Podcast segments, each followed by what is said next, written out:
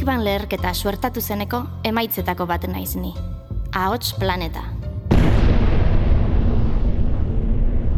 Literatura feminista da, ni naizen planeta bitxi honen ongarria. Eta jaiotza espontaneoko landaretzaz josita dago. Liburu landareak, bazter guztietatik azten dira eta. Hoiek dira, apurka apurka, xeatzen joango direnak nirera iritsitako kosmonauta Garazi albizua. zorupeko nauta, Idoia Karramiñana.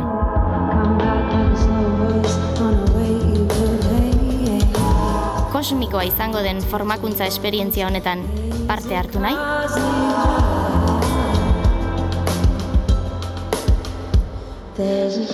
Ahots Planeta, Euskal Idazleen Elkarteak eta Asko Fundazioak sustaturiko podcasta da.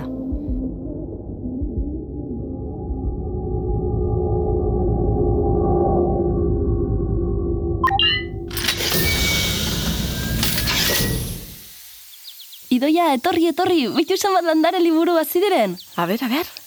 Soragarria da, Idoia. Bai, benetan poza. Baina planeta honetan garazi askotan sentitu dut txikiagotu naizela. Bai, zera txikiagotu. Irakurketak ahotzek handitzen gaituzte, Idoia. Bai, egia aldutzen gaituzte. Nola ez, baina hainbeste ahots landarekin batera, horren beste historiokin batera, txiki sentitzen naiz. Eta lere, eroso. Txikiagotu nahi dut, nola bait, horien guztien artean jolasteko. Mhm, bakit zertaz ari zaren, entzun dozu patxi eta liburu landare. Bai, ala da. Patxi eta inurriak Anuk Ricardek sortutako aurrentzako komikea da. Bego Montoriok Euskarara itzuli du, eta Astiberri argitaletxeak kaleratu. Barre galantak egin ditut nik horregaz. Umentzako dela dio aditu gaiuak. Hmm, ez dakit nik. Zer ba, zer duzu? Bagarazi, nik ez ditut horren beste barrerik egin. Ulertzen dut zergaitik den divertigarria, bai. Eta izu oso gustatu zait komikia, baina uste dut umea izatearen rola errotik apurtu duela. Abai, eta hoi zelan da, azaldu. Bai, zera, mm, ikusten dut hasiera hasieratik gurasoek gogaitu dutela eta horren eraginez nolabait umearen gurasoen gandiko aldentzeaz ari zaigun lan hau. Oso modu fisikoan islatzen du gainera, txikitu egin dela, kolpi izugarri hartu duela aulkitik geisten, Hmm, aztearen prozesu mingarria duela mintzagai nolabait, eta ez horren beste umei zuzendutako historioa denik, ezta? Bai, horixe. Adibidez, inurrien laguntza jasoko ez duela ematen duenean, dio nau. Tira, nazkatu egin nauzue, bakar bakarrik itzul naiteke. Bertan ez da umeari legokion beldurra sumatzen. Hmm, egia, egia. Zea, zehazkatik irtetzeak indarra eta ziurtasuna eskatzen du, ezta? Eta patxik badu indarra hori erronka berriei aurre egiteko nolabait. Baina gian idoia ez du gain serio hartu behar, e, kontakizun surrealista utza dugu hau eta, ez? Bueno, ez dakit.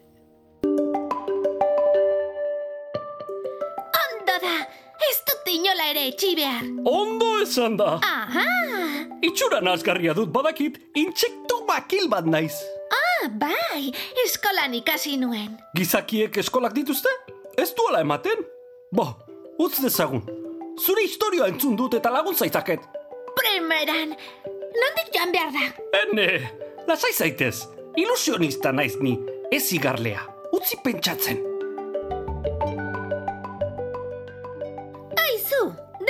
Denboratxo bat eman duzu pentsatzen. Oh, ze, ba, ba, barkatu, lo nengoen. Badakit, lore baten gainera igo gaitezke zure etxe aurkitzeko. Tira, zergatik ez? Ara, bazegoen zerbait barruan. Zer? Kaka egiten hitz egin bitartean? Bai ba, debekatu aldago. Bo, lo egin pentsatu bitartean. Kakagin hitz egiten duen bitartean. Gizakientzat olakoak gaixotasun baten adierazle izan ohi dira. Baina zea, Fabritzek normaltza jo ditu. Badu modu bat ere bestelako egoarak normaltzat hartzeko ala. Mm, hombre, kontua da azken batean ametze egitera gonbidatzen gaituela, ezta? Eredu errealistegietatik arago. Bai, eta kutsu absurdo horrek ez pentsa, ez da inolako tontakeria. Laguntzen du kasu honetan pati protagonistaren problematika eta arazoak hobeto ulertzen. Geure ganatzen ditugu eta gure mundura eraman da ulertu alditugu. Ta zelan izango da komikia sortzeko prozesua? Une oro, egunerokoa behatu behar, bertako egora arruntak surrealistak bihurtzeko. Anuk Ricardek normalean ez ditu irudiak sortzen aixialdian. Ez du kuadernoa berarekin eramaten edozein momentutan bururatzen zaiona apuntatu edo irudikatzeko. Inork ez badio ezer egiteko eskatzen, horixe da hain zuzen egingo duena. Ezer ere ez. Ara, zormen prozesu agian idealizatuta dugu nonbait ere. Badira hainbeste lanbide beharratik kanpo irudikatu ditugunak egia. Patxi, zer duzu? Amez gaiztoa izan behar du honek, itzartu arte itxarongo dut. Bai, bai, hori da. Lo egin behar dut eta hola nire gelan itzartuko naiz lehen bezala. Gelarik ez, baina jada ez dago monstruorik. Bada zerbait.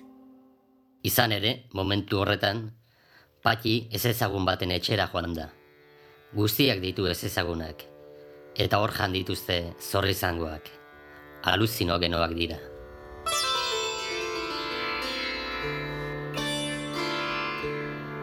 Hain zuzen, hori irakurri eta jakina divertigarria da, barre egiteko modukoa.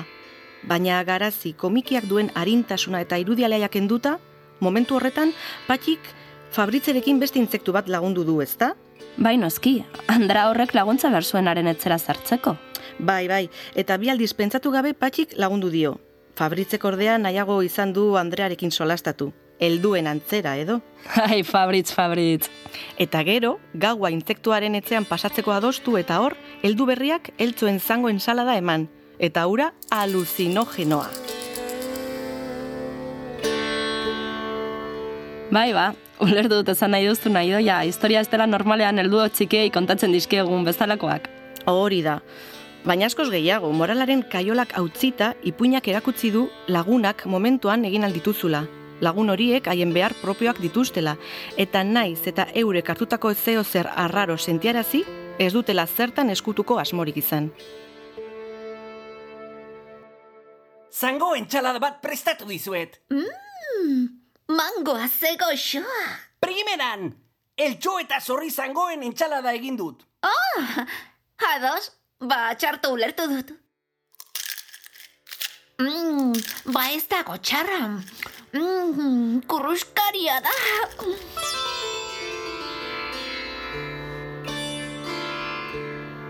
Arrero sentitzen nahi zaizue. Ikuste, besoa luzatu egin zait. Orduan, kontatu gabeko istorio gehiagi ditugu? Bai, eta askoren beldur gara. Eta beldurrez idatzi eta asmatzen baditugu aurrentzako istorioak, ez duzu uste ume beldurtiak aziko ditugula? Ba, uste dut ari naizela ulertzen zergatik astindu zaituen horren beste komiki honek egia zen. Lehen esan dozu gainera oso interesgarri iruditu zaidan zerbait idoia. Lagunek euren behar propioak dituztela. Zenbatetan, ez dizkugute bada kontau lagun honenen historio unkigarri horiek.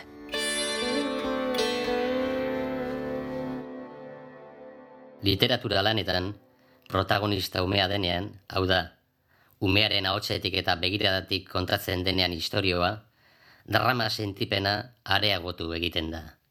Baina beti ez da erreza ume protagonista sineskora lortzea. Izan ere, maiz, helduegia edo xaloegia sortu da. Bai, eta nik uste dut horretan ere baduela zeresana komentatutako moralaren indarrak. Irakaskuntza bat helarazteko sedez muturrera eramaten dira arazoak. Ona eta txarra, zuria eta beltza. Baina lan honetan patxi benetako umea da eta balio eta jarrera kontrajarriak azaldu ditu, ezta? Berez, inurrien gizarte autoritarioa eta diktatoriala da erabat. Eta horren barruan inurriak jarraitzaile sutzuak dira. Mhm. Gainera, e, zera, hauzitan jartzen du norberaren sen kritikoa nola bait, ezta? Zenbateraino ideia edo uste batek gure nortasuna baldintza dezake. Hori da, bai. Eta justu horren beste muturrean kontrako jarrerare aurkitzen dugu. Hasieratik intzektu makilarengan eta elkarrekin laguntzen duten Mario Ratza eta kontakizunean zehar aldatzen doazen inurriengan. Agerian uzten du kolektiboki lanean emaitza askoz hobeak eskura daitezkela. Bueno, kolektiboki bai, baino ez zorri nagusiaren kazuan, ez da? Beraikotasuna mugituta jokatzen du horrek. Gainerako inurriak menderatu ditu bere probetxurako. Baina ez da haien parte sentitu. Beraz orduan bakardadetik ari da denbora guztian. Baina taldea behar du. Azken batean, taldean eraginkorragoak garata.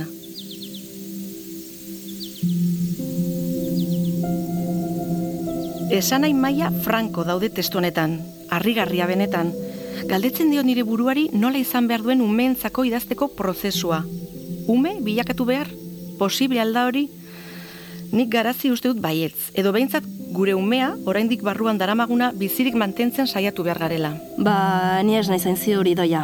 Azken batean, umea izan nahi badugu ez dakit zelan lortu hori. Txikitan izandako aurra berreskuratzerik aldugu, eta alduaren ikuspuntotik, ume bihurtzeak, baditu bere arriskuak azken batean. Bai, ulertzen dut esan nahi duzuna. Askotan umearen rolari erromantizismoa egotzi ohi diogu, eta edade hori goraipatu. Baina ez da egia, ez da horrela. Ez, horregatik, lortzarik alda gure barnean dugun ume hori elikatzea. Ba, bai, nik uste dut baietz, bizitzarekiko zirrara piztuta izaten, historio sineste zinak asmatzen autobusean goazela, edo kalean gurutzatzen garen besteen bizipenak antzematen saiatzen, divertigarria da oso. Imaginazioak ez du mugarek, eta hori presente izan behar dugu, ikasteari inoiz ezusteko metodoa ere bada. Itxein apur bat, zer dio supatxi? Ezin dut gehiago, lo egin behar dut. Bai, egia iluntzear da. Amez gaiztorik izango dugu idoia? Mm, amez gaiztoak. Hoiek badute sormenarako indarra. Umetan izandako ametz gaiztorik gogoratzen, garazi? Ba, bai, badu tortik baten bat aztu ezinik. Garuna zukutzeko unea heldu da. Ea posible duzuen hortaz, ume bat protagonista duen kontakizun surrealista garatzea. Ametsen mundua izan daiteke lagungarri. Imaginazio astindu entzuleok.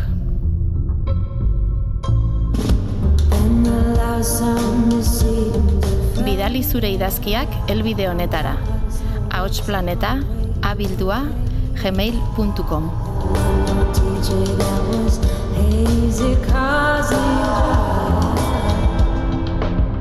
Ahots Planeta, Euskal Idazleen Elkarteak eta Asko Fundazioak sustaturiko podcasta da. Entzungai, zure audio plataforma gogokoenetan.